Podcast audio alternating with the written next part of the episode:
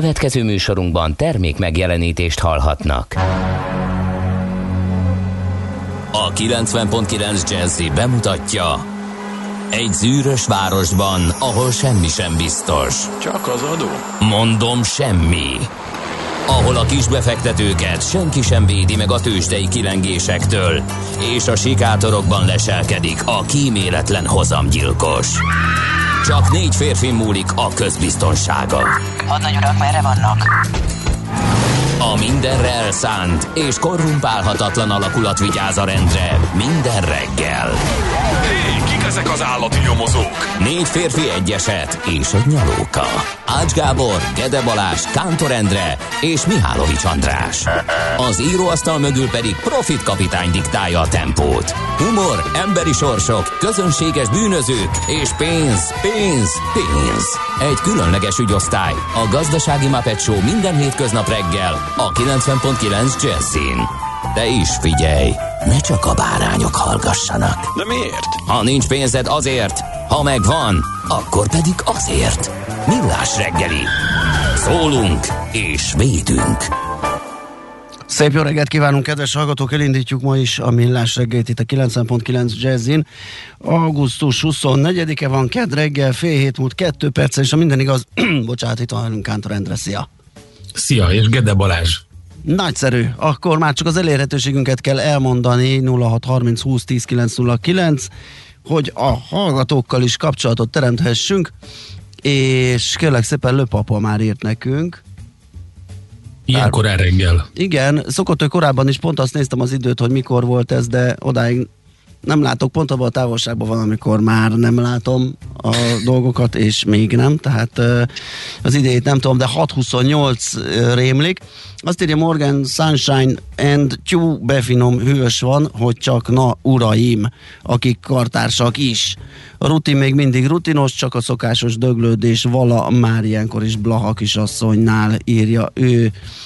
Hát az azt jelenti, hogy ott már azért helyzet van. A Balatoni út is, vagy a Budaörsi nem, a Balatoni nem. A Budaörsi az, ami már egy kicsit úgy nem mondom, hogy zsúfolt volt, de érezhető volt, hogy már ébredeznek a kedves munkába igyekvők, úgyhogy ilyesmire lehet számítani. Az említett üzenő falra vagy számra bármelyik formátumban, tehát SMS-ben, Viberben vagy a Whatsappon is várunk üzeneteket, útinformációkat, bármit, amit láttok, tapasztaltok, vagy csak kérdésetek van, nem biztos, hogy meg tudjuk válaszolni, de azért dobjátok. Van már baleset is képzeld el ilyen korán reggel. Hát az gyönyörű. Hol? pedig a 19. kerület Nádasdi utcában, ez ott a Hunyadi utcánál van, ez a Nagykörösi útról nyílik, Aha. a Vekerne telepnek a, az egyik sarka ami Kispesttel um, köti össze lényegében. Ott van egy baleset, és ott sajnos sávlezárásra is kell készülni, úgyhogy már rögtön ezzel lehet ilyen korán reggel találkozni, meg azzal is lehet találkozni, hogy Bertalan és Alíz nap is van egyszerre, úgyhogy nagyon-nagyon boldog névnapot a Bertalanoknak és az Alízoknak. Illetve aki találkozik velük, az köszöntse meg őket. Igen, a Bartalokat, Bárukokat, Berzsiánokat, Taksonyokat szintén, és egyébként egy nagyon szép napon, augusztus 24-én ünneplik ők a névnapjukat, amikor is 1842-ben József Nádor elhelyezte a Pest-Budai Széchenyi Lánchíd alapkövét. Micsoda, Úgyhogy mindig Micsoda pörgés így augusztusban a Lánchíd körül. Ugye tegnap emlékeztünk meg a tervezőjéről, a híd tervezőjéről rá egy napra meg tessék. Persze az év nem azonos nyilván, de az alapköletétele megtörtént a Széchenyi Lánchídnak, most pedig éppen zajlik a felújítása. Ugye ez az augusztus a Lánchíd történetében ez egy kiemelkedő hónap, aztán 1991-ben ezen a napon, tehát augusztus 24-e van, Ukrajna elszakad a Szovjetuniótól és kikiáltja függetlenségét. Hát azóta is van ezzel problémája épp elég de hát ez ekkor történt, tehát mintegy 30 évvel ezelőtt. És 1900... történt? Valami hideget ittál tegnap, vagy... Nem, nekem nem kell hideget innom, nekem elég, hogyha hideg van kint, és kicsit itt van a, a hálószoba ablak, akkor az engem... Már, már gyanakodtam, hogy ez valamiféle allergiás reakció, vagy valami nem, ilyesmi, de nem, azt se nem allergia, se nem covidos száraz köhögés, csak egy ilyen uh, hajnali, hajnali légúti akármi. Majd beme- meleg teát. Bemelegszik ez majd, és 9.50-re már rendben is leszek, úgyhogy ne. gyorsan, gyorsan megy ez.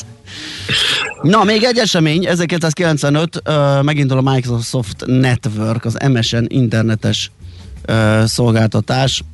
Hát nem minden, a nagyon fiatalok nem emlékeznek már rá, gondolom, de ez akkor Igen, ez a Windows, Windows Live Messenger igen, volt igen. lényegében. Volt ugye ez a szolgáltatás, XP, Vista, Windows 7, Windows Mobile-on is, fú, még nekem volt Windows, Windows Phone, Windows Mobile-on annak idején. De működött ez azt hiszem Androidon is, tehát annak is Tényleg? volt Hát akkor pedig találkozhattak igen. vele, ugye, mert nem tudom, Igen, hogy lehet, csak hogy nem biztos, hogy nem biztos, hogy használták. Igen. Azt hiszem 2012 volt valahogy az utolsó 16-os verzió, úgyhogy igen. Na, és akkor születésnaposok 1899-ben született ezen a napon, tehát augusztus 24-én Jorge Luis Borges, argentin költő, író, hát az kif irodalom kedvelői szerintem biztosan ismerik és hallottak róla, mert én azt gondolom, hogy főleg ugye, ilyen, ilyen skifi hát, kisregényei, eszéi, novellái. Igen, ezt nem, nem De tudom, hát volt az a körkörös, körkörös romok, az nekem emlékszik a fiatal, emlékszem a fiatal koromból, az egy Igen. ilyen skifi elbeszélés gyűjtemény volt, de hát sok más minden. Hát érdekelte ez a fajta filozófia, ami, ami nem a, a hétköznapi dolgokkal foglalkozik, és, és hát nagyon tekervényes gondolati, szövevényes gondolatai voltak, úgyhogy nem egy egyszerű olvasmány, meg követni sem a gondolatvilágát, de nagyon ajánlom mindenkinek. Hát már csak azért is, mert ezek a, ezek a, az kifirodalomnak ezek a remekei azok, amik mindig és újra olvashatók, ugye, ott, ahol azt megbeszéltük sokat, ott, ahol megpróbálják kitalálni a jövőt, hogy milyen gépek, meg repülő, nem tudom én, mik járják majd a levegőeget, és azzal közlekedünk, ott néha megmosolyogtató, ugye, hogy milyen elképzelések voltak, ami, ami az emberrel, meg ilyen filozofikus gondolatokkal foglalkozik, azt mindig újra lehet olvasni, azok nagyon, nagyon izgalmasak és időtállók. 1929-ben született ezen a napon Yasser Arafat, béke Nobel-díjas palesztin politikus, a PFS elnöke, aki már 2004 óta nincs köztünk, és 1947-es Paulo Coelho brazil író, ha jól mondom, ugye ezerféle változat. Aki egyébként elképesztő mém karriert futott hát be. Óriási, talán, talán csak az nagyobb, mint írói karrierje. Rengeteg könyvet írt Paulo Coelho, és a közülük vannak olyan, tehát én, én kíváncsiságból olvastam tőle könyvet. Én is és olvastam az alkimistát, azt hiszem. Az, hát talán az volt az első híres, nagyon nagy nemzetközi könyve. Ebben nem vagyok teljesen Meg biztos. Itt, de... itt volt egyszer, és pont oda vetődtem, uh, és akkor vettem egyet, kíváncsi voltam rá, akkor a neve ismerős volt, és nem olvastam. Nem is tudom, hol dedikált valami hát, könyv. Nagyon olvasmányos és érdekes, sőt, mondhatni lebilincselő módon tud írni, de aztán valahogy nekem mindig egy ilyen hiányérzetem van nem, az alkimistát egyébként nem olvastam, de ö, egy ilyen hiányérzetem van utána, hogy vala, tehát így néha, mintha kapargatná a felszín, de nem jut mélyre, és talán ezek, ezek miatt jutottak ezek a mondások. Hát, illetve mém. azért, mert valójában sokszor olyasmit mond ki, vagy mondat ki a szereplőivel, amit, amit így tudunk, meg így megvan, de nyilván szembesülni vele, meg olvasni, meg hallani az egészen más és elgondolkodtató, de hogyha meg pusztán kiragadod, és csak azt a szöveget, azt a gondolatot veszed, akkor igen, akkor picit, igen, picit, lehet, picit olyan csőbeljük szerűségre gondol az ember, hogy na hát ez remek, ezt nem is gondoltuk. De, de hogyha egyben olvassuk, akkor azért azért tud ő tartalmat produkálni. És akkor még Jean-Michel Zsák francia zeneszerzőről uh, emlékezzünk meg, 1948-ban született ezen a napon. Ő van egy jó pár szerzeménye, ami szerintem Igen. mindenkinek megvan. Nekünk megvolt, pontosabban a bátyáimnak, és persze én is hallgattam bakeliten az oxigént, és emlékszem, hányszor nekifutottam, hogy azt a, azt a, hámló bőrű koponyát, ami a, a, az oxigénnek a címlapján volt, ugye egy földgömb valójában, az volt a bőre, de a, a Igen. gömb belseje az egy koponya, és annyira tetszett, próbáltam mindig lerajzolni, tudod, van ez a módszer, ez a benégyzet hálózód, és akkor Igen. megpróbálod kockáról kockára átkopizni, hát hol sikerült, hol nem, de ott valahol az volt lehetett a rajz tudásom és képességeim csúcsa amikor valami tojásszerű formában ezt sikerült papírra öltenem, aztán ott abban is maradt ez az egész.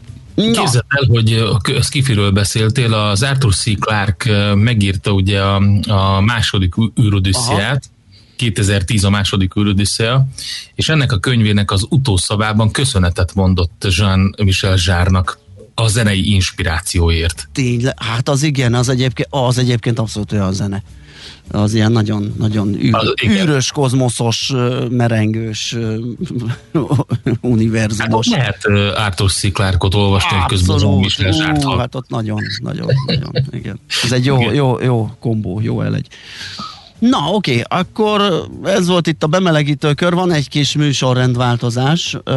Ez annak köszönhető, hogy a kialakult afgán helyzetet próbáljuk értékelni, értékeltetni Dobozi Istvánnal, akit viszonylag sokat beszélgetünk. A Világbank volt vezető közgazdász, de miután Floridába kell hívni, megpróbáltuk minden előrébb tenni a műsorba, hogy ne kelljen olyan nagyon sokáig fent lennie, bár egyébként ez neki nem nagy kihívás, mert ha jól tudom, alapvetően is valamikor ilyenkor fejezi be a napját. szóval az lesz, hogy most a zene után őt hívjuk, és az afgán, illetve az amerikai kivonulásról, annak hibáiról, következményeiről fogjuk őt faggatni, arról, hogy mi lehet a folytatás a zene után, és akkor majd a többi rész majd a híreket követően 7 óra utára kerül. Ez a Millás reggeli itt továbbra is a 90.9 Jazzy Rádión, és ahogy azt bearangoztuk, az afgán helyzetről fogunk beszélgetni Dobozi Istvánnal, a Világbank volt vezető közgazdászával, egyenesen Floridából. Szervusz, jó reggelt, illetve szép estét neked! Szervusz, igen, itt már éjfél után van, de örülök, hogy ismét veletek lehetek. Ó, mi is nagyon köszönjük szépen, hogy vállaltad a beszélgetést. Na nézzük akkor ezt az amerikai kivonulást, hogy hát azt hallhatni a hírekben, hogy óriási felfordulás kerekedett ebből. Kicsit mm, esetleg az előzményeket, hogy mi volt a döntés háttere, hogy ezt már azért Trump is feszegette, nála is ott volt a tarsolyba ennek a valamikori megvalósítása, Biden meglépte, de úgy néz ki, hogy az időzítés vagy a módja ennek nagyon-nagyon félrement. Hagy válaszoljak erre a kérdésre, nagyon jó kérdésre, kicsit tágabb összefüggésben hogy miért ment ez a háború annyira félre, és eredetileg jó háborúnak indult, és a végén rossz háború lett belőle. Ugye az amerikaiak szeretik ezt a jó háború, rossz háború uh-huh osztást, ugye Vietnám, Irak, Szíria, Líbia az rossz háború volt, de eredetileg Afganisztán jó háború volt, tömeg támogatást élvezett, amikor megindult a, a támadás ugye 2000 októberében és 2000 decemberében ugye a talibánt, akiket azért támadtak meg az amerikaiak, mert ugye menedéket adtak az Al-Qaidának. Igen. Ennek. Tehát ez volt a fő célja. Tudod, hogy hány emberrel füstölték ki a talibánt, amelyik akkor uralkodott Afganisztánban már több éve? 2500 katonával. Az igen. Tehát na, támogatták az amerikaiak, na hát így kell a terrorizmus ellen küzdeni, uh-huh. ugye meg az árát annak, hogy a világkereskedelmi központot fölrobbantották, tehát nagyon népszerű volt ez, mert belevágott abba a doktrinába, amit annak idején Colin Powell, a volt külügyminiszter és a öbölháborúnak a hőse 1991-ben alakított ki, aminek az a lényege, hogy a háborúnak a célja világos legyen. Na hát ebben az esetben a cél világos volt, ugye utána menni Bin Ladennek, az al ott, ahol vannak, ahol tulajdonképpen a melegágyuk van. Na ez nagyon jó volt.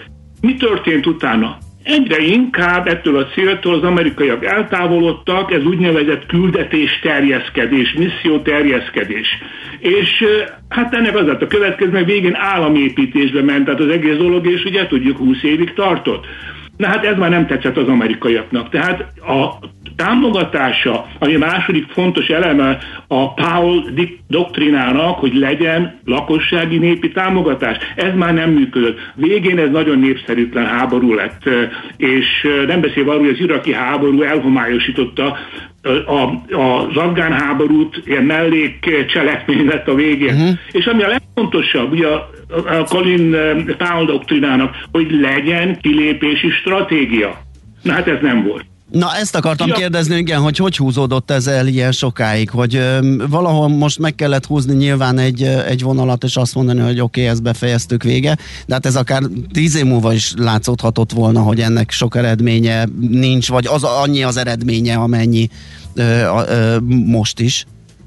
Nézd, az amerikaiak már kimehettek volna 2010 után is, amikor Bin Laden ugye elkapták Pakisztán meggyilkolták. Az lett volna tulajdonképpen egy olyan határ, időpont, amikor azt lehet mondani, hogy győzszünk, vége van, a legnagyobb ellenséget is kikészítettük, akkor kellett volna komolyan tárgyalni a kilépésről, a kilépés rendezett módon csinálni, és nem pedig a folytatni az államépítést. Na, a dolognak a lényeg az, hogy, hogy azóta is mindegyik elnök ki akar lépni. Obama ki akart lépni, eh, Donald Trump ki akart lépni, és természetesen eh, Joe Biden is. De hát kilépni nem olyan egyszerű. Ilyen bonyolult helyzetben, mint Afganisztán. Tehát a kilépésnek egy, egy olyan rendezett stratégiából kellett volna állni, amelyik azért figyelembe veszi azt, hogy milyen a harci helyzet azon a terepen, ahonnan én ki akarok vonulni és hát ezt ők nagyon eltolták, mert a, a, a sorrend nagyon hibás volt, a kilépési sorrend. Ugye első, először kivet, kihozták a katonákat, e, ott hagyták a fegyvereket. Igen. A katonák a fegyvereket is ki kellett volna hozni, vagy megsemmisíteni.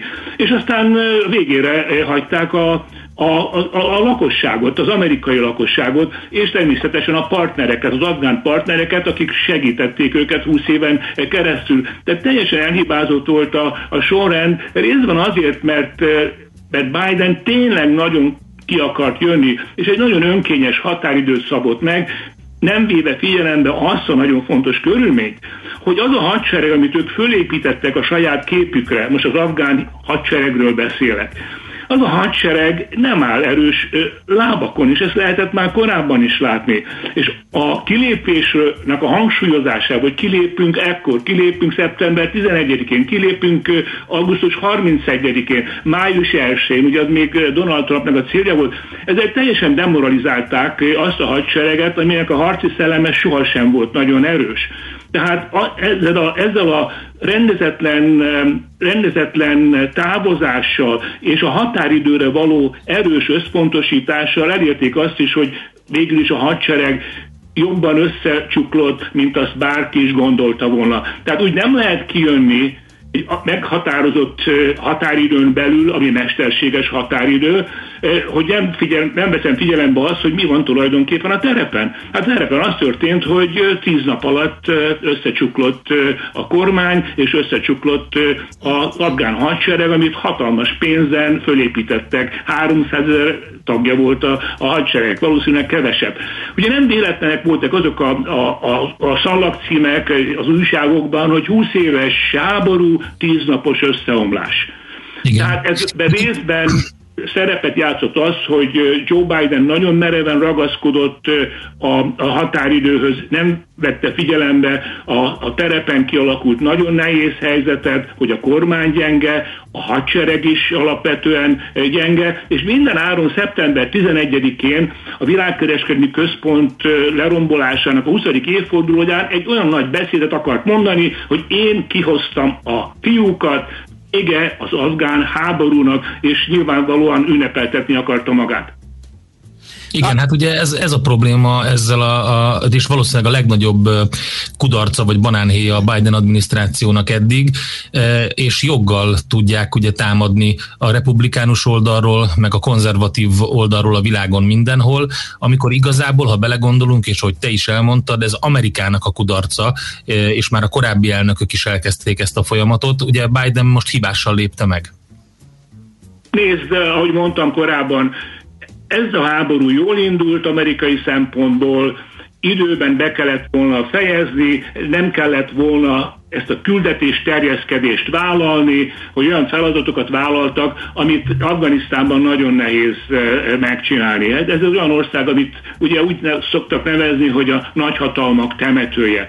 Tehát ezt az amerikaiak figyelmen kívül hagyták. De az amerikaiak egyébként általában nem tanulnak a történelmi kudarcokból. Ugye Vietnám is hasonló kudarc volt. Nagyon szoros a párhuzam Szajgon, az onnan való kimenekítés, mm. az a kaotikus jelenetek ugye Szajgonban 2000, 2005-ben április 30-án fantasztikus volt a hasonlóság azzal, amit aztán most elkövettek majdnem 50 évvel később Kabulban nem lehetett a párhuzamot nem látni. Egyébként visszatérve a megjegyzésedre, itt nem csak a jobb oldal támadja Joe Biden, hanem, hanem, hanem a baloldalon is. Szóval megdöbbentő az, hogy a baloldali orgánumok is, hát a Washington Post, New York Times, a CNN-ben is mennyire, mennyire bírálóan lépnek föl, és mennyire elhibázottnak tartják Joe Bidennek a stratégiáját, és ebből fakadó politikai károkat. Ez ráégett Bidenre, ez a kudarc ráégett Bidenre,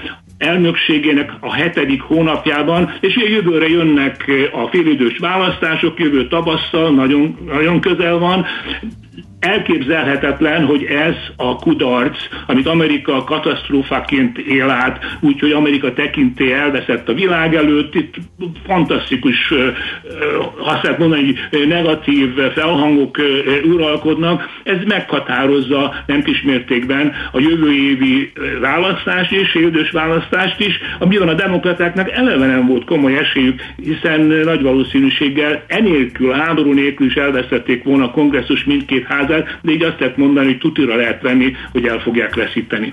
Bocsánat, közben, eh, ahogy mondtad, véletlenül rosszul mondtad a Saigon dátumot, az 1975, ugye nem 2005, az véletlenül mondta, csak a hallgatóknak mondom, hogy Saigon eleste az 75-ben volt, az 50 év így jogos. Tehát é. akkor ezek szerint a nemzetközi hatása is, is ilyen komoly lesz ennek. Ugye az USA tekintélye, szavahihetősége, vezető szerepe, ez, ez valamennyire megcsorbult most, és látjuk azokat a, a nemzetközi kéréseket, most ugye a, a, britektől főleg jött nagyon erős kérés, hogy hát ne, ne vonuljanak ki teljesen. Ugye az afgánoktól, akiket mondtál, hogy az amerikai kormányzatoknak a segítői voltak, egyértelmű segélykérések jelentkeztek, szóval nagyon sok ilyen, ilyen hang van, hogy nem, ne menjenek ki teljesen. Nézd, ez most már, visszatér egy kicsit, kicsit Szajgonra, valóban 75 április 30, ráadásul jártam ott a követségnél, ami most pillanatnyilag amerikai konzulátus fényképet is csináltam, annak hogy tilos volt, és erről már írtam is egyébként, valóban 75 április 30 volt egy ikonikus jelenet, ikonikus kép. Az az érzésem, hogy ilyenek lesznek a Kabulban készített képek, és tudjuk, hogy milyen képek készültek ott. De visszatérve a, a, a kérdésedre, nézd, az, hogy az amerikaiak mikor vonulnak ki, ez most már egyre inkább a, a tálibokon múlik. Szóval olyan helyzet alakul, hogy egy szeretvedett hadsereg, a táliboknak a hadserege gyakorlatilag megvert egy szuperhatalmat, annak a hadseregét, de még a nato is. Ugye nem véletlenül hangsúlyozzák ezt, hogy, hogy ez egy óriási győzelem a, a dzsihádok számára, ez alak a mi oldalunkon áll, de nagyon fölbátorította a dzsihádokat, mint világszerte természetesen. Na, a, a Talibán most már játszhat Joe Biden, és játszanak. És ugye azt mondják, hogy ha augusztus 31-én nem vonul ki az amerikai hadsereg, ugye 2500 volt, most 6000 amerikai katona van ott, és több ezer NATO katona, de ez csak arra elegendő, hogy a, a, a, a, a, a, a repülőteret védjék, a Hamid Karzai repülőteret, többre nem. Ha az világos, hogy egy héten belül nem tudják az összes amerikait kiszállítani Afganisztánból. Nem beszélve a több tízezer afgán partnert, akik segítették őket, tehát fordítók, tolmácsok és, és, és különböző személyzet, amelyik, akik az amerikai követségen dolgoztak, vagy más beosztásban segítették az amerikai hadsereget. Lehetetlen. Hét napon belül ezt nem lehet megoldani. Nem beszélve arról, hogy mi lesz azokkal a afgánokkal, akikről beszéltem, a több tízer afgánról nem lehet ennyi embert kivonni egyértelmű, hogy az, a, a, a talibánok azt fogják mondani, hogy hát akkor valamit valamiért. Tehát ha augusztus 31-én nem vonultok ki, akkor mi nem alakítjuk meg a kormányt, és, és, és folytatódik ez a, ez, ez a padhelyzet. Valószínűleg tárgyalni fognak, és az amerikaiaknak engedni kell, adni kell valamit a táliboknak azért, hogy a határidőt meghosszabbítják tíz nappal, egy hónappal, senki nem tudja. A lényeg az, hogy ez a határidő megszabás, mesterséges határidő megszabás nagyon-nagyon rossz volt. Ami a, a kérdésednek a másik részét illeti, hogy milyenek lesznek a nemzetközi következmények, hát komolyak lesznek. Egyértelműen egy hatalmi vákum alakul ki, Közép-Ázsiának ebben a részében egy elég fontos országról eh, beszélünk, fontos országok veszik körül, Pakisztán, eh, Irán, eh, Kína természetesen, és, és azt lehet mondani, hogy, hogy, hogy, hogy, hogy Kína nyilvánvalóan a legnagyobb játékos lesz ezen a területen. Kína lesz az első számú partnere Afganisztánnak. Az a Kína, ugye amelyekkel, amelyel kapcsolatban az Egyesült Államoknak stratégiai versengése van, stratégiai rivális. Biden azt mondta, hogy azért is kell kimenni Afganisztánból, hogy jobban tudjunk koncentrálni a fő stratégiai ellenfélre, eh, Kínára. Közben Kína pedig eh, megerősödik annak következtében, Igen. Afganisztánba bevonul, és Afganisztán... Még ők is elverik az amerikaiakat ezen a terepen. De nézd, a, a kínaiak tanulnak. Az amerikaiakkal szemben a kínaiakra az jellemző egyébként, hogy, hogy nagyon óvatosak. Uh-huh. Ők nem bevonulni. Nézzek, mit csináltak például Kubával kapcsolatban is.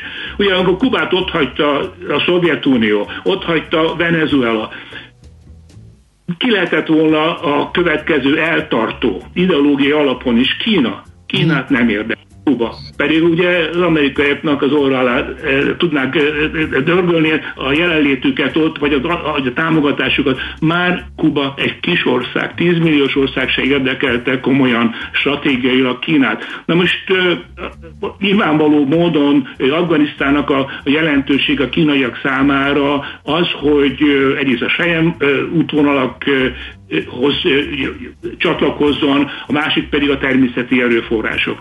Olyan természeti kincsekkel rendelkezik Afganisztán ritka földfémek például, Igen. amelyeknek a stratégiai jelentősége e, igen, igen komoly. Tehát nagyon valószínű, hogy Kína lesz a fő támogató és a fő kereskedelmi partner már most is az. Ugye az amerikaiak ezt a, a háborút nem csak katonailag veszették el, hanem úgy is, hogy a, abba a hatalmi űrbe, amit maguk után hagytak, abba, abba több ország is bevonulhat, de elsősorban Kína, de természetesen ott van Pakisztán is, e, Irán is, és Oroszország. Ezek a nagy játékosok, amelyek meg fogják ennek a térségnek a geopolitikáját határozni az elkövetkező években. Oké, okay, hát István, nagyon szépen köszönjük, nagyon komoly összefüggéseket tártál fel számunkra az afgán helyzetet illetően, úgyhogy megint nagyon-nagyon klassz volt, hogy beszélgettünk, és köszönjük még egyszer. Jó pihenést neked! Én is köszönöm, minden jót! Szervusz! Dobozi, Dobozi Istvánnal, a Világbank volt vezető közgazdászával beszélgettünk egyenesen Floridából, a kialakult afgán helyzet értékelését kértük tőle, és hát ahogy hallhattuk, ennek még nagyon súlyos következményei lennek. Hát igen, ugye főleg ugye ez a kínai bevonulás igen. és az okok okos bevonulás, ugye mosolyogva kereskedelmi partnerként koncesziókat kérve, közben ugye támogatólag fellépve, mindenféle eszközöket behozva, így nagyon egyszerű lesz Kínának Igen. bejutni, és ugye mondta István, hogy a, az oroszok is ott állnak valahol a sorban, nyilván valami közvetítő partnerrel, nem, nem biztos, hogy teljesen frontálisan, hiszen ugye ők is elég komoly veszteségeket szenvedtek el itt annak idején, de hát egy nem véletlen. De hát Kínának azért így ez egy gyerekjáték Iszonyú lesz. Nagy baklövés volt, hát majd megnézzük, persze követjük, hogy hogyan alakulnak az események. Mm, meglátjuk. Nos, itt van velünk Czoller Andi, kérlek szépen, aki majd Nagyon híreket jó. Előbb-utóbb, igen, jó reggel. Ugye, ilyen népi viseletbe, oh, vagy nem tudom, ilyen Siriusról jött népi viselet. Micsoda? Csillog, Hon... villognak a fémek rajta, meg geometriai. Mondd egyszerűen azt, hogy szép, motiv, vagy csinos, szép, vagy, vagy nem. Hát ezt, ezt, akar, ezt akartam. Túl csináltad ezt, ezt most túl csináltad Balázs, ezt, ezt azt kell mondani, nagyon csinos. igen, de megihletett ez a skifi légkör, amivel itt indítottuk az adást, és tényleg arra asszociáltam hirtelen, hogy egy ilyen kozmikus űr... Mintha csak a színpadról jött volna le. Igen, majdnem. Na, viszont most oda fog fellépni, és elmondja nektek a legfrissebb híreket, tehát Szoller Andi, utána pedig jövünk vissza, folytatjuk a millás reggelit. Műsorunkban termék megjelenítést hallhattak. A reggeli rohanásban könnyű szemtől szembe kerülni egy túl szépnek tűnő ajánlattal. Az eredmény krétával körberajzolt tetemes összeg. A tethelyen a gazdasági helyszínelők, a ravasz, az agy és két füles csésze és fejvállalakzat. A lehetetlen küldetés megfejteni a Fibonacci kódot. A jutalom egy bögre rossz kávé és egy olyan hozamgörbe, amilyet még Alonso Mózli sem látott. Millás reggeli, a 90.9 Jazzy Rádió gazdasági mapetsója. Vigyázat! Van rá engedélyünk! Szép jó reggelt kívánunk! Megyünk tovább a millás reggelivel itt a 90.9 Jazzin. Augusztus 24-e ked reggel van, 418 lesz. Egy perc múlva Kántor Endrével készítjük a mai millás reggelit. És Gede Balázsjal. És a 0630 20 10 909 es SMS, WhatsApp és Viber számon is ott aktívan jelenlévő hallgatókkal, meg azokkal, akik nincsenek az említett számon, illetve üzenet közlő továbbító rendszeren ott, de hallgatnak minket, úgyhogy most közlekedési hírek jönnek. Budapest legfrissebb közlekedési hírei, itt a 90.9 jazz Hát az a helyzet, hogy kaptunk sok mindent, főleg a, az előbbi témánkkal kapcsolatban, de mint hogyha útinformáció nem lenne köztük. Az útinform viszont arról számol be, hogy az M3-as autópályán Budapest felé 60 térségében az 57-es kilométernél keresztbe fordult egy kamion valamennyi forgalmi sávot elfoglalva. Aki teheti az 59-es kilométernél lévő 32-es főúti csomópontnál térjen le a 3-as főútra. Ugyanakkor, mivel sokan kerülnek arra, ott is csak lépésben lehet haladni. Visszatérni a 21-es főútról lehetséges, Távolabb szintén a főváros felé vezető oldalon Gödöllőnél lassulnak le a járművek. Aztán erős a forgalom az m 0 autó déli szektorán, ahogy az lenni szokott, ilyenkor ugye az M1-es autópálya felé a Hárosi Dunahíd mögött torlódik a forgalom. A sor vége az M51-es autóúti csomópontnál van, 45-50 perccel megnőtt a menetidő. Hát ez így 48 felé már elég húzós, ilyenkor még 25 hát kemény, igen. szokott írni az útinform, de úgy látszik már most nagy a torlódás. Az autót északi szektorán Budakalásznál is lassú az előrejutás, a 11-es főútra is nehéz a felhajtás. Nálad valami? Semmi, ugye ez a Nádasdi utcai baleset van, különben pedig a szokásos lezárások a Blaha körül az Arany János utcában, a Pesti alsórakparton, más nincs.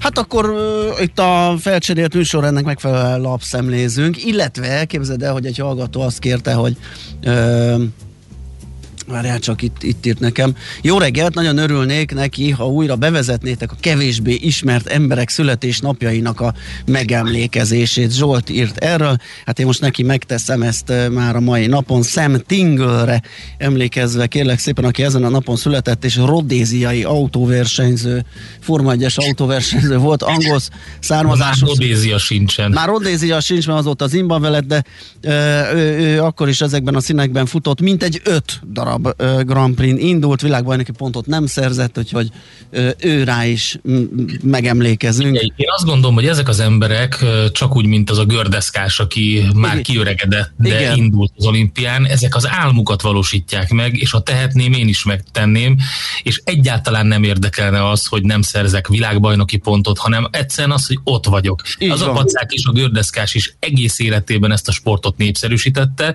és hát ugye soha nem került ilyen verseny versenyre sor, amikor az olimpián végül is bejelentették, hogy olimpiai sportág lesz, akkor azt mondta, hogy nekem ott kell lennem. Tehát én, én a fiatalságomat erre a sportra áldoztam, meg az életemet, és ott kell lennem. Nem érdekelte, hogy tökre lemaradt a többiektől gördeszkázott egy jót, kim volt Tokióban, és az egész világ látta. Egyébként meg Rodézia Forma egy nagyhatalom, meg két versenyzőt is adott. John, Lai, John Love a második, és volt egy harmadik, Clive Puzi, akinek nem sikerült a kvalifikáció, de ő is megpróbálta, úgyhogy akárhogy is, ott kérem szépen volt nyüzsgés formai tekintetében.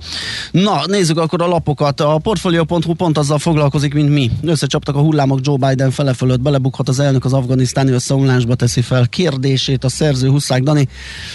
Uh, úgyhogy uh, erről, hát um, ez teljesen rímel rá, meg hát az egész világ ezt látja, hogy ez egy óriási, óriási fiaskó az Egyesült Igen, Államok. baromi nehéz felfogni, hogy hogy lehet ez. Nagyon-nagyon bosszantóak számomra azok a felületes ilyen, ilyen Facebook posztok, Twitter kiírások, amik így lesöprik az egész Biden adminisztrációt. Jaj, de bénák, meg hogy lehet ilyet. És érted, felületesen lehet egy ilyet mondani, de hogy ez egész mögött mi van? Azt nyilván nem fogjuk most megtudni, csak később, és nyilván egy, eh, ahogy, ahogy beszéltük az előzőekben, egy nagyon elhibázott lépés volt, de azért ez nem ilyen egyszerű sztori szerintem.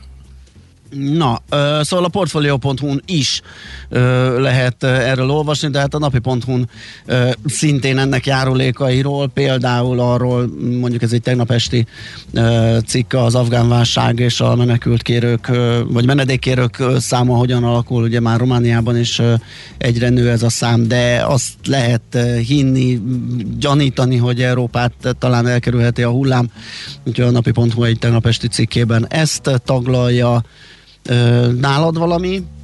Van nagyon sok minden. Az egyik legfontosabb, amit találtam, és azt még nem láttam a magyar sajtóban, de lehet, hogy felületesen néztem meg, hogy eladtak 1,3 millió dollárért egy, egy ilyen non-fungible token clipart képet.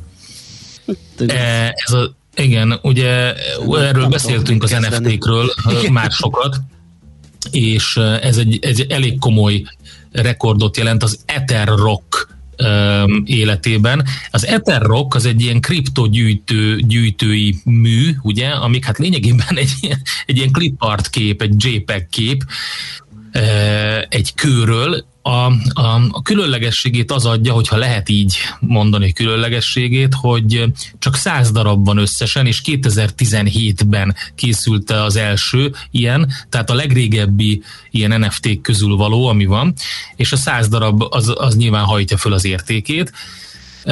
Ezért az egyikért most 1,3 millió dollárt fizettek ki tegnap délután, a, ha összehasonlítva, legutóbb 1,3 millió dollárért talált gazdára Claude Monénak egy, mint egy ezer baráti és rajongói levélgyűjteménye a párizsi Arc Curial aukciós házban. Tehát, hogy körülbelül ez, a, ez az árfolyam. Uh, igen, bocsánat, közben azt, azt próbálom itt megfejteni, hogy mi lehetett a válasz, mert most találkoztam a 24.hu tegnap este írt arról, hogy megkérdezték a kormánytól, a filmstúdióra van 42 milliárd a Verencei tóra, miért nincs. Aha. Na és? Orbán Balázs válaszolt erre, és hát az első válaszában természetesen a filmstúdió, hogy mekkora, meg az nagyon kell, meg beruházás, meg infrastruktúra, meg minden.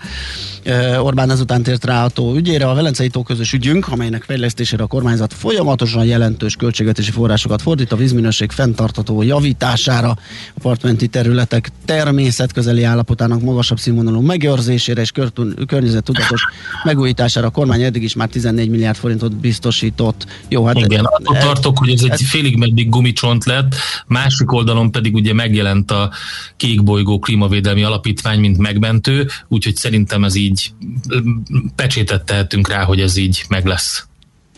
Ö, igen, aztán folytatom, ö, vagy folytatta Orbán Balázs is, hogy a vízgyűjtő alapvetően száraz jellegét a klimatikus viszonyok mellett a területi geológiai tulajdonságai is meghatározzák, amelyek egyébként is sekély tavat kiemelten érzékenyé. Jó, ezt tudjuk. A kormány igen. kiemelt figyelmet szentel a Velencei tó ügyének, így kész támogatni egy olyan átfogó és komplex megközelítésű vízügyi intézkedési tervet, amely figyelemmel van az ivóvíz biztosítási, árvízvédelmi és össz, öntözési szempontokra is. Ebben hát, semmi új nem volt. Ebben nem, nem, sajnos, és a 14 hát, milliárd eddig, eddig ráfordított összeget nagyon köszönjük, de most nem az a kérdés, hanem az, hogy honnan lesz az a plusz 40, amit most kellene ráfordítani. Igen, de... és ezt még egyszer aláhúznám, akik a, a klimatikus viszonyokra, meg a tónak a múltjára hivatkoznak, hogy hát azóta teljesen átalakult a környezet. Átépült minden, autópálya van például a vízgyűjtő területek és a tó között is, stb. Tehát azért azért ezt nem szabad elfejteni. Mindegy, szerintem ez igazából meg lesz oldva. Közben kérdezte egy kedves hallgatónk a Facebookon, hogy ki volt a gördeszkás. 46 éves volt, Dallas Oberholzer, aki egész életét a gördeszkázásnak szentelte, és dél-afrikai deszkásról van szó fantasztikusan érezte magát, egész végig vigyorgott. Érdemes Igen. megnézni a fotókat. Kedves hallgatók, nagyon félreértette, vagy nem tudom melyik csatornát hallgatta, azt írja, hogy szegény Trumpot sokkal kevesebbért is fikáztátok, Biden-t pedig véditek. Hát Biden-t nagyon megmártottuk, és körülbelül egy pozitív ö, szó nem hangzott el a, a mostani külpolitikai a afgán helyzettel kapcsolatos intézkedésével kapcsolatban. Nem tudom, hogy... Nem, szerintem rám gondolt. Biztos. Én próbáltam érzékeltetni azt, hogy hogy, hogy Bidennek a, az óriási kudarcának állítja be mindenki, pedig a kilépés és a, a, a, a kivonulás terve az megszületett korábban, mint ahogy említette Doboz hát István hát, jó, már Obamánál. Igen, az kétségtelen, de a kivitelezés akkor is az ő sara. Igen, hát ez, ez, ez, így van, és, és ezt, ezt, ez így, ezt Doboz István is mondta, ezt, ezt le, nem, le nem fogják tudni, tulajdonképpen semmivel sem fogják Sőt, tudni. ennél nagyobb baj is lehet, ugye ez a belebukás, az, pontosan, ezt még pontosan. belengedték. Na, ennyit tudtunk most javasolni lapszemle gyanánt. Most megnézzük ja, a megy az idő. Igen. Hol zárt? Hol nyit? Mi a sztori? Mit mutat a csárt? Piacok, árfolyamok, forgalom a világ vezető parketjein és Budapesten. Tősdei helyzetkép következik. 6%-os emelkedéssel zárt a Bux 52.023 ponton, 326,5 pontos többlet, a forgalom 10,9 milliárd volt Budapesten, a parketten, és tulajdonképpen a MOL az, ami nagyot hasított, mert hogy 1,9%-kal 2406 forintra hízott az árfolyam. Az OTP az 50 forinttal emelkedett 17.790-re, a Magyar Telekom 50 fillérrel esett 430 forint 50-re, a Richter pedig 25 forinttal tudott gyarapodni, 9095 forinton állította be a záróértékét tegnap. Amerikában hurrá optimizmus van, csak úgy, mint a világon mindenhol. Londonban, Frankfurtban szerényebb mértékben 0,3%-kal mentek fel a vezetőindexek, de a Nikkei és a Hongkongi tőzsdeindex elég erős, 1%, illetve 1,6%-os pluszban van, illetve a Shanghai is 1,1%-os pluszban. Az Egyesült Államokban pedig 0,6%-os Dow Jones plusz mellett majdnem 1%-ot ment az S&P, és másfél százalékot a Nasdaq, Nasdaq, nagyon erős volt az ExxonMobil 4% fölött, a Boeing 3,2, a Southwest Airlines majdnem 3%, a Chevron 2,6%, a Twitter pedig 2,5%-os plusszal ment föl, és egy icipicit 50 ezer alatt most a bitcoin. Tőzsdei helyzetkép hangzott el a Millás reggeliben.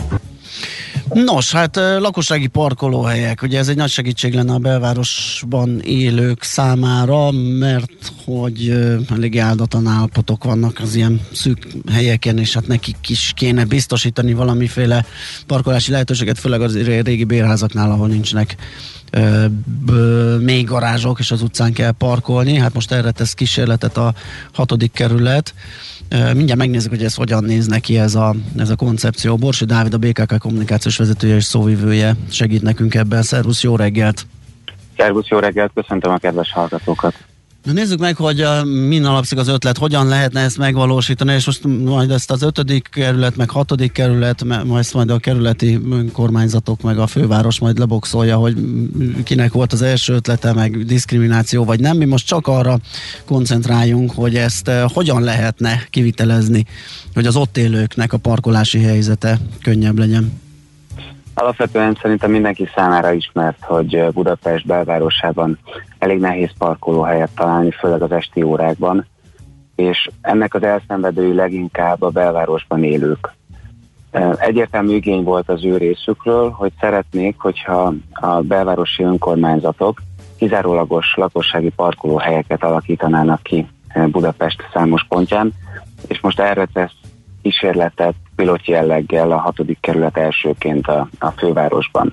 Ugye nem egyedi ez a megoldás, tehát Nyugat-Európában számos nagyvárosban uh-huh. láthatóak hasonlóan kijelölt parkolóhelyek, és nem is kell nagyon messzire menni, tehát elég, hogyha az ember áttekint Bécsbe vagy Prágába, de említhetném akár Milánót is.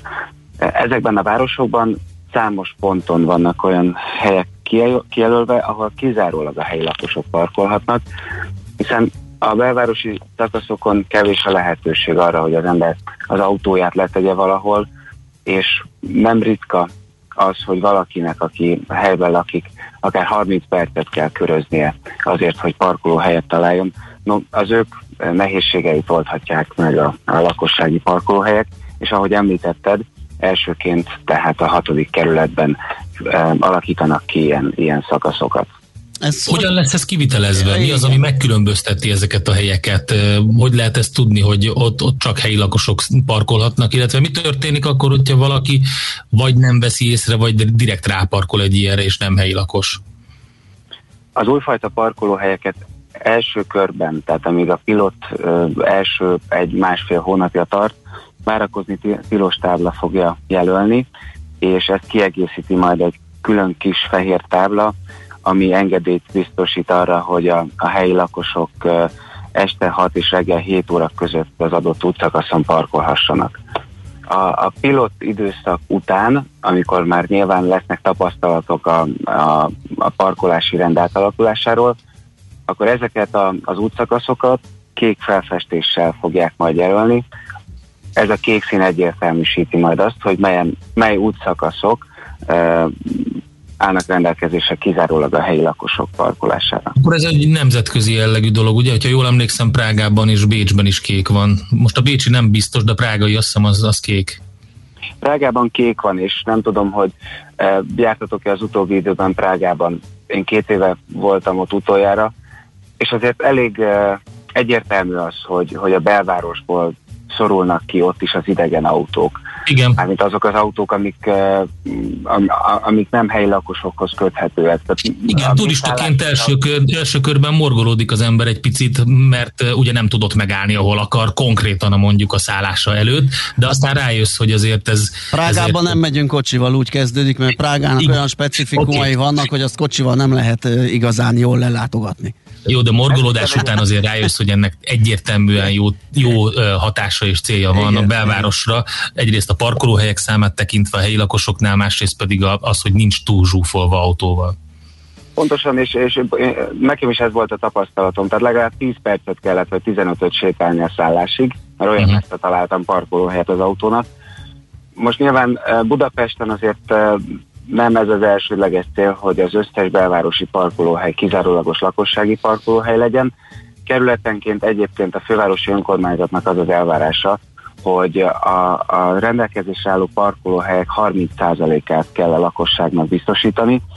E, tehát ez az egyik feltétele annak, hogy, hogy, a, hogy egy kerület csatlakozhasson ehhez a programhoz. Van még egy feltétele a kizárólagos lakossági parkolás elindításának, az pedig a mikromobilitási pontok bevezetése.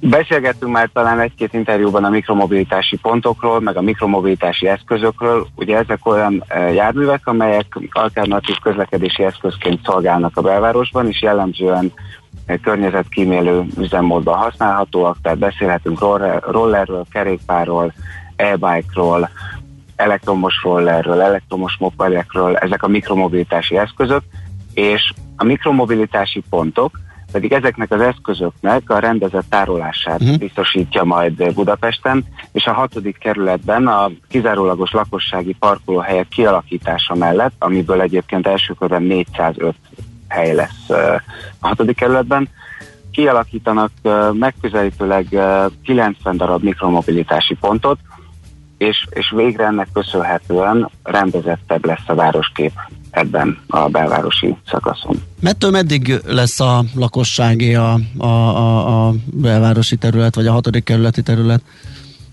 Alapvetően elsőkorban Terézváros belső részén a Király utca, Nagykörút, Balcsi Zsilinszki, Endre út határolt területen alakítanak ki lakossági parkolóhelyeket, tehát itt indul el a pilot, de Terézváros után több lépésben további belső kerületekben is előnybe kerülhetnek majd a helyi lakosok parkolási igényei, és előre haladott egyeztetéseket folytat a fővárosi önkormányzat az 5. kerület, a 7. és a 13. kerülettel is. Tehát ezek a területek lesznek azok, amelyek a 6. kerület után várható a lakossági parkolóhelyeket alakítanak majd ki. Uh-huh. De egyébként hosszú távon az elképzelés az az, hogy várhatóan az összes bevárosi kerület is csatlakozhat majd ehhez a, a kezdeményezéshez, de nyilván ehhez szükséges az is, hogy az adott kerület megfelelő koncepcióval rendelkezzen, kitalálja azt, hogy melyik útszakaszokon alakítanak ilyen parkolóhelyeket, és hogy hol hozna létre mikromobilitási pontokat, mert a kettő együtt tud mozogni. Világos. Időben mikori, tehát hány órától hány óráig tart a helyi parkolás? Este 6 órától reggel 7 óráig mm, parkolhatnak majd Hétig? ezeken a így van, így Az van. nem túl késő? El tudnám képzelni, hogy áruszállítók esetleg ilyen egyszemélyes, akinek ki kell szállni a kocsiából, az már parkol, ugye, hogyha nem marad bent sofőr. Ott ezzel nem lesz esetleg valami probléma? Viszonylag ritka az, hogy 7 óra előtt Aha. indulnának munkába emberek, tehát jellemzően egyébként 7 óra környékén teszik ezt legtöbben. Uh-huh. Úgyhogy ennek köszönhetően határozta meg így a fővárosi önkormányzat a, az időszakot de ahogy említettem, nem fognak eltűnni a, a parkolóhelyek, vagy a mások által használható parkolóhelyek a városban, tehát az áruszállítónak jó eséllyel lesz lehetősége Világos. megállni az üzlet közelében, ahová éppen az árut viszi. Oké, okay, megnézzük, aztán majd értékeljük a kísérletet, hogy hogyan működik, majd meglátjuk az eredményeket. Köszönöm szépen, hogy beszámoltál ezekről. Jó munkát, szép napot! Köszönöm szépen, Szervusz. szép napot, szervusztok! Borsi Dáviddal, a BKK kommunikációs vezetőjével és szóvivőjével beszélgettünk arról a kezdeményezésről, vagy pilot projektről, ami a hatodik kerületben zajlik, és az a célja, ugye, hogy az ott lakóknak segítse a parkolását. Megyünk tovább rövid hírekkel, Czoller Andi mondja ezt el nektek, aztán folytatjuk a millás reggelit. Nekünk a Gellért hegy a Himalája. A millás reggeli fővárossal és környékével foglalkozó robata hangzott el. Műsorunkban termék megjelenítést hallhattak. Ez a Millás reggeli, a 9.9 Jazzin, megyünk tovább, és egy podcast sorozatról beszélgetünk nem először, mert eh, ahogy a podcast is egy sorozat formába szerveződött, ugyanúgy eh, a róla való beszélgetés is, már nem az első alkalom. Az Unicredit készített egy eh, olyan podcast sorozatot, amiben eh, hát ilyen mindenféle banki dologról esik szó. A címe is az, hogy pénzügyekről nyakkendő nélkül, és a mi kiváló kollégánk Mijálovics András beszélgetett jó pár az Unicredit Bank szakértőjével, és most az ötödik részt idézzük fel, illetve arról fogunk beszélgetni, ami mentorál, vállalkozások mentorálásáról.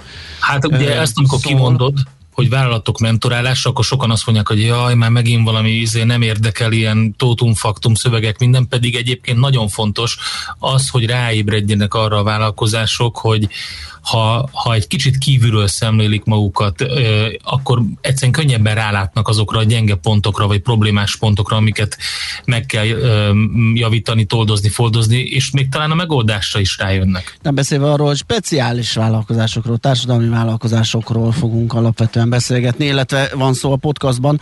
Bolyár Robert a beszélgető társa ebben az epizódban a Mihálovics kollégának, ő az Unicredit Bank Social Impact Banking terület területének vezetője, és most itt van velünk a telefonvonalunk túlsó végén. Szia, jó reggelt!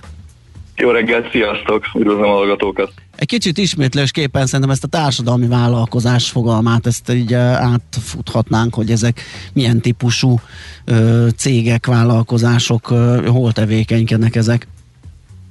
Ugye a társadalmi vállalkozásokra az jellemző, hogy valamilyen társadalmi hatást e, próbálnak elérni, vagy társadalmi hatást tűznek ki célul a normál operatív e, vagy klasszikus for-profit működés mellett hiszen társadalmi hatás csak úgy váltható ki, hogyha van pénzügyi megtérülés, és ezen keresztül tudunk szociális hatást vagy szociális eredményt kiváltani.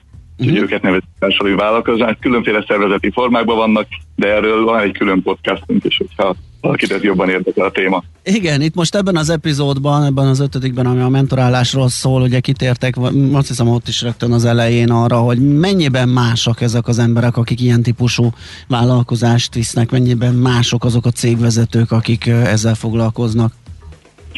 Ugye én azt tapasztaltam, hogy egyel több sapkájuk van, vagy egyel több eh, terhet cipelnek a hátukon, hiszen eh, a normál KKV-król tudva lévő, hogy a cégvezető a legmeghatározóbb és legtöbb feladatkörrel rendelkezik, ő egyszerre HRS, pénzügyes, munkatárs és akár targoncás is. Eh, hát ez a szereptöbblet ugyanígy a társadalmi vállalkozások vezetőire is igaz. Ugye, amiben talán más, nagyon elhivatott emberekről beszélünk, akik elsősorban valamilyen ügyben hisznek, ugye ez az a szociális hatás, nagyon erős a belső elhivatottság. Nem ritka, hogy valamilyen személyes érintettség vagy kapcsolódás is van ahhoz a társadalmi problémához, amire a cég működése alapult. Uh-huh. Ugye ebben a beszélgetésben, a podcastban említed azt, hogy a siker kulcsa, hogy a vezetők felismerjék a, hatás, a határaikat. Pont ebből a, nyilván ebből a, ebből a multiszerepkörből adódik ez, hogy azért tisztába kell lenni azzal, hogy mit és meddig tudnak magukra agadni. Ez mennyire sikerül, vagy mennyire teszik ezt, meg mi a tapasztalat, hogy amikor hozzátok fordulnak, illetve hát amikor hozzátok, aki hozzátok fordul, az már megtette és fölismerte, de egy ilyen nagy statisztika, vagy egy nagy kép rendelkezésetekre áll le, hogy, hogy mennyire, mennyire teszik meg, és kérnek segítséget esetleg, amikor már a határaikat feszegetik? Ugye ez, ez a bankszektorban is egy teljesen új terület, Úgyhogy ez egy, ez egy közös feladat a bankszektornak és a társadalmi vállalkozásoknak, hogy eh, minél jobban találjanak egymásra. De hogy a kérdésedről röviden válaszoljuk, én azt gondolom, hogy egyre jobban, vagy egyre jobban ismerjük meg mi is a szektor sajátosságait, jellemzőit, eh, és a társadalmi vállalkozások is egyre nyitottabbak arra, vagy felismerték a nyitottságot, eh, hogy akár egy banki szereplő is, banki partner is lehet segítségükre az ő társadalmi problémák megoldásában, akár finanszírozással, akár bármilyen más egyéb segítsége, mint például a mentorálással, hiszen a mentorálásnál gyakorlatilag sokszor átbeszéljük az adott vállalkozás erősségeit, gyengeségeit, lehetőségeit, és próbálunk egy másfajta szemüveget feladni nekik, próbálunk egy banki szemüveget, egy banki látásmódot, tehát ez is egyfajta edukációs feladatnak tekintjük. Uh-huh. Ugye ebben az ötödik epizódban uh, Andrással erről a mentorálásról beszélgettek, és ugye fel is teszi a kérdést, hogy, hogy uh, uh, miben kell fejleszteni ezeket a vállalkozásokat, illetve uh, megkapja azt a választ, hogy minden társadalmi vállalkozás esetében mást és mást, hiszen uh, mások a vezetők, mások az élethelyzetek, más területen dolgoznak, tevékenykednek. Most ebből fölmerül a kérdés, akkor ti mentorként ilyen, ilyen mindenesek, polihisztorok uh, vagytok, akik ott a banknál tevékeny, mindenhez ehhez értetek? Ez teljesen jó, ugye nagyon sokszor előjön, hogy a poliusztorokkora lejárt, Igen. és ez természetesen ránk is igaz.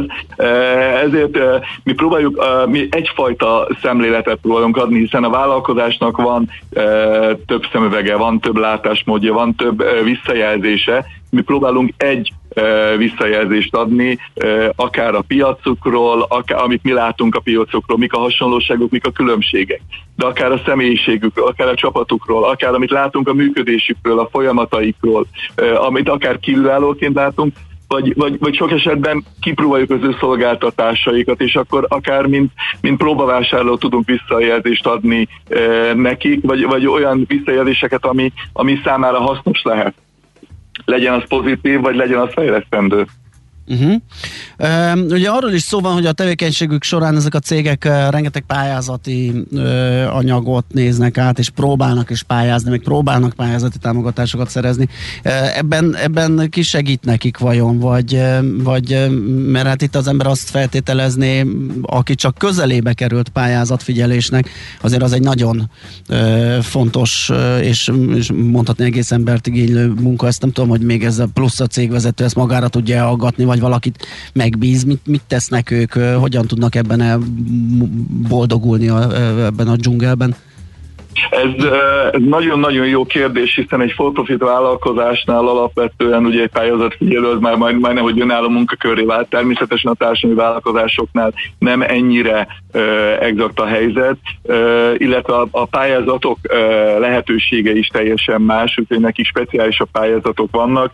Ugye uh, nagyjából uh, az, az állami szféra 90%-ban látja a társadalmi vállalkozások finanszírozását, ellenőrzését, képzését, tehát ez ilyen szempontból egy speciálisabb rész, sokkal fókuszáltabbak a kiírások, és innentől kezdve ugye azok a érintettségek, vagy azok a társadalmi szervezetek, akik segítik a társadalmi vállalkozásokat, ők erre figyelnek, és az ő látókörükben lévő vállalkozásokat támogatják, és hívják fel a figyelmet, hogy mi az, ami, ami számukra érdekes lehet. Úgyhogy ez, ez ugyanúgy annak az edukációnak, vagy a része, amit, amit mi banki oldalról próbálunk felépíteni. Aha, világos. Ugye a beszélgetés alatt arról is szó esik, hogy itt vannak ám speciális vállalkozások is, főleg ebben a társadalmi vállalkozás szerepkörben elég sok állami önkormányzati tulajdonú cég is van, és itt rögtön felmerült bennem, főleg az önkormányzatiaknál, ahol kicsit vegyes a, a politikai összetétel a testületeknél, hogy ott mennyire, mennyire megy gördülékenyen ez a mentorálás, mennyiben kell esetleg nagyobb türelem, vagy megvárni időnként ilyen, ilyen kis szüneteket tartva, hogy, hogy valami konszenzusra jussanak a döntéshozók, vagy mennyiben más ezen a területen mozognia egy banknak, aki nyilván nem akar politizálni, mint ahogy mi se. Természetesen, ugye hál' Istennek egy önkormányzati tulajdonban lévő társadalmi vállalkozásnál is, ugye jellemzően ugye ezek speciális jogi formák, szociális szövetkezetek, önkormányzati tulajdonokos start szociális szövetkezetek, amikre speciális szabályok jellemzők, vagy speciális szabályok vonatkoznak, és itt mindig a, a szociális szövetkezetnek az elnökségével vagy vezető testületével beszélünk, és nem adott esetben a polgármesterrel. Aha. Bár van olyan tapasztalatunk is, és elhangzik a podcastban, amikor a, az adott kis település polgármester és a szociális szövetkezet elnöke egy és ugyanaz.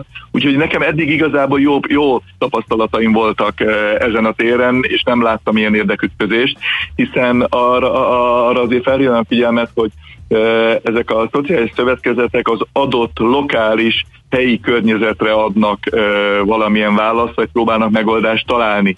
És helyi szinten azért egyszerűbb ezeket a kérdéseket megoldani, igen, nem válaszokat adni. Uh-huh. És akkor az egymillió dolláros kérdés, hogy hogyan jutnak mentori segítséghez a rászorulók, hogyan kerülnek kapcsolatba, tehát ez most nálatok, nem tudom, saját ügyfélkörben ott nyilván esetleg egyszerűbb, de gyanítom utcáról is be lehet esni, és ilyen típusú szolgáltatást kérni, mert lássuk be, ez egy banki szolgáltatás. De a lényeg az, hogy hogyan, hogyan ö, kerülnek elő az ügyfelek, vagy hogyan találhatják meg mentoraikat. Ugye most, hogy uh, ugye kialakítottuk a Social Impact Banking tevékenységünket, Aha. egyre több uh, támogató szervezettel, társadalmi vállalkozási specialistákkal vagyunk kapcsolatban. Uh, nagyon sok olyan, és megismertünk nagyon sok olyan társadalmi vállalkozás támogató szervezeteket, mint például a TAVOSZ, Társadalmi Vállalkozások Országos Szövetsége. Vannak inkubátorházak, vannak úgynevezett seed programok, vagy állami szervezetek, mint mondjuk az IFKA, vagy a TÖOZ, akin keresztül előadásokat uh-huh. tartunk, és ezen keresztül azért nagyon sokan megismernek minket, sőt azt kell, hogy mondjam, hogy hál' Istennek most már egy több helyre hívnak is minket, hogy vegyük fel közösen a banki szemüveget, és beszéljük át, hogy mi mit látunk róluk, és, hogy, és nagyon sok visszajelzést kapunk, hogy ők meg mit látnak rólunk, úgyhogy ez egy, ez egy kölcsönös folyamat, tehát ez egy, ez, ez egy érdekes utazás. Világos.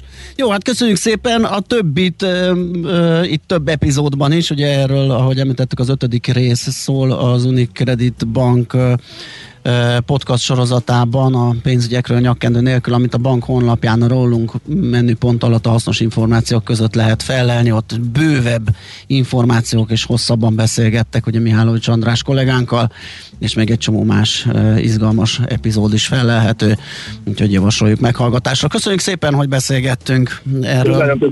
Jó munkát, szép napot, szervusz! Szép napot, viszállás! Bolyán Robertel az Unicredit Bank Social Impact Banking területének vezetőjével váltottunk pár szót arról a podcast sorozatról, illetve annak egyik részéről, ami a bank honlapján megtalálható és hallgatható sok érdekes pénzügyi témában. Azt mondja, hogy a Gede mehetne gyorsolvasó világbajnokságra, írja Kárló. Most vette észre a kedves hallgató. Lehet, Igen. hogy így van. Én is egy üzenetet szeretnék ide citálni, ugye az előző értetlenkedő Trump kontra Biden hallgató, aki mondta, hogy hát nem most így mentettük, és hogy nem, miért, miért nem bántunk egyenlően Joe Bidennel, mint Donald Trumpal.